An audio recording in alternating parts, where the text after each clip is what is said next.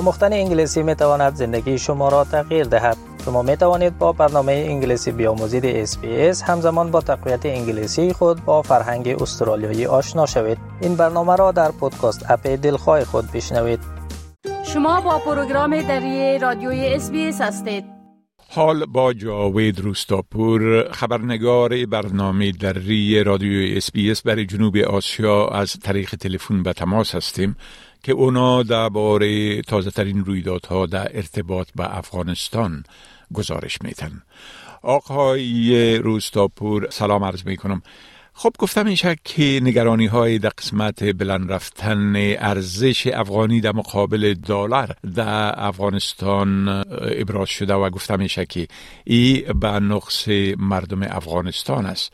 اگر لطفا در این باره یک مقدار توضیحات بتین با سلام وقت شما بخیر آقای شکیب بله امان گونه که شما اشاره کردین در یک هفته گذشته قیمت دلار در مقابل افغانی به گونه کمپیشینه کاهش یافته است.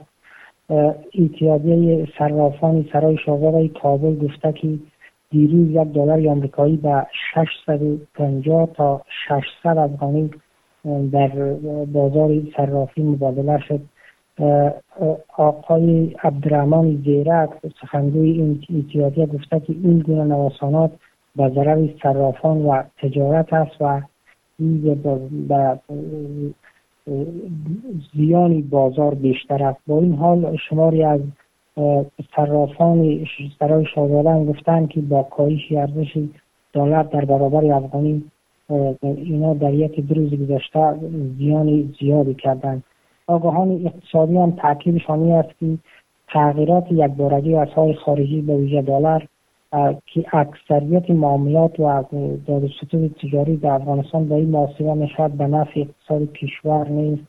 و باور این آگاهان کاهش قدرت خرید پول افغانی این دلار پول افغانی قدرتی که دلار کاهش نداده بلکه نبود. بانکنوتا در بازار یک موضوع است. موضوع دوم ای است که هر آنچه که کمک هایی که به افغانستان سرازیر شده این به دلار بوده و این دلار در بازار مبادلات اسعار از سوی طالبان پخش شده که مسئله دلار را کاهش داده. از سوی دیگه هم در طول یکی دو ماهی که تجار کالا صادر کردن از پاکستان و دیگر کشورها به افغانستان این به دلار خریدن و بیشتر کالای از اینا مانده این به صورت کلی نفروختن که مثلا زیان جدی رو به تجار ملی افغان به بار خواهد آورد. در این حال هم برخی از مردم با وجود در کابل گفتن با وجودی که دلار پایین آمده کاهش یافته قیمتش ولی باهای مواد خوراکی و مواد سوخت هیچ گونه تغییرات به این صورت نگرفته که این مسئله هیچ تاثیری بر روند اقتصادی مردم نخواهد داشت. این در حالی است که پس از تسلط طالبان در افغانستان حتی صد دلار امریکایی تا دوازده هزار افغانی هم رسید می‌کنه به 120 افغانی یک دلار مبادله شد. ولی و گونه کم پیشینه یا تا تا دو سال پیش هم از سقوط کابل دلار در برابر افغانی چنین کاهش نیافته بود. بله خب نشر یک ویدیوی که نشان میته طالب با موهای یک جوان قطع می‌کنن و بعد بروتایش قطع می‌کنه نگرانی های را ایجاد کرده و گفته میشه که ای بر روحیه ای جوان هم بسیار تاثیر بد داشته. بله. بله ای جوان پادشاه پادشاه زلات نام دارد و باشنده قریه للگی کوتی و اسوایی تنه ولایت خوست است و افرادی که ویدیوی جوان را کوتاه می‌کنند افراد طالبان هستند و اینا ادعا می‌کنند که او از نیروهای نظامی حکومت قبلی افغانستان بوده. اما میر سرور برادر جوان به رسانه ها گفته که برادرش کارمند دولت نبوده و این جرمی هم مرتکب نشده. این ادعا کرده که پس از این واقعه برادرش حالت روحی و روانیش خراب شد و به پاکستان انتقال داد اما با وجود که چندین روز در اینجا تداوی شد ولی حالی هم اوضاع روحی روانی خراب است. حتی شبها از خواب حالت خواب بلند میشه بعد چیغ می‌زنه. انتشار این ویدیو با واکنش های بسیار متعدد و گسترده با ویژه در شبکه اجتماعی همراه شد.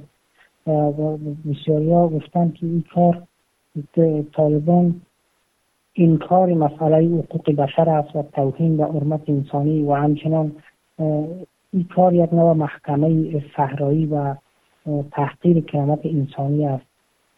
برخی دیگه گفتند که وقتی شخصی مرتکب جرم می‌شود باید توسط محکمه بررسی شود.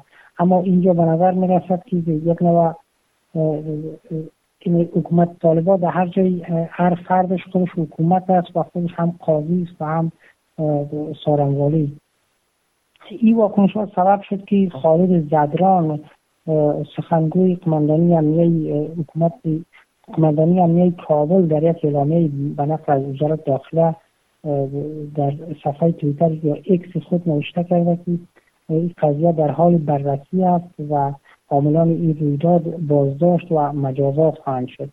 در حالی است که در گذشته هم بارها ویدیوهای از افراد طالبان در شبکه اجتماعی نشر شده که به افراد به حرمتی می‌کنند به ویژه موهای از اینها را در محله هام اینا با قیچی کوتاه می‌کنند و یا هم از این قبیل. ولی طالبان هرچند بارها اعلام کردن که قضایی ها بررسی می‌کنن ولی تا کنون هیچ رسانه و یا خود طالبان چلامه نشر نکردن که عاملان افرادی که دست به چنین کاری زدن در اینا مجازات کرده باشند بله خب جبهه آزادی ادعا کرده که یک قرارگاه طالبا را در ولایت پر، پروان هدف حمله قرار داده و یک تعداد از افراد طالبا را کشتن بله؟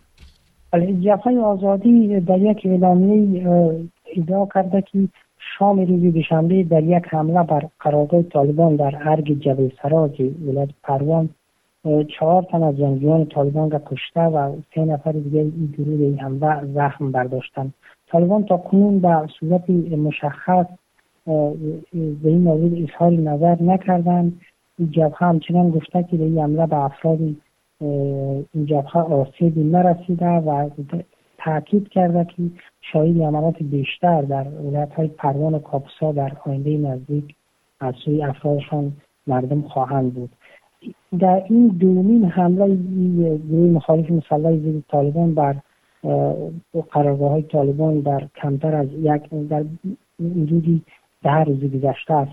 پیش از این هم جبهه آزادی به تاریخ 11 اقرب اعلام کرده بود که در ریاست استخبارات طالبان در بغلان حمله کرده که به این حمله چهار کارمند استخبارات طالبان به شمول مدیر این اداره به نام محیب الله محیب الله مشهور و انزله کشته شدند بله خب بسیار تشکر آقای روستاپور از این گزارشتان و فعلا شما را به خدا میسپارم و روز خوش برتان آرزو می‌کنم وقت شما هم خوش خدا نگهدارتان بپسندید شریک سازید و نظر دهید اسپیس دری را در فیسبوک تعقیب کنید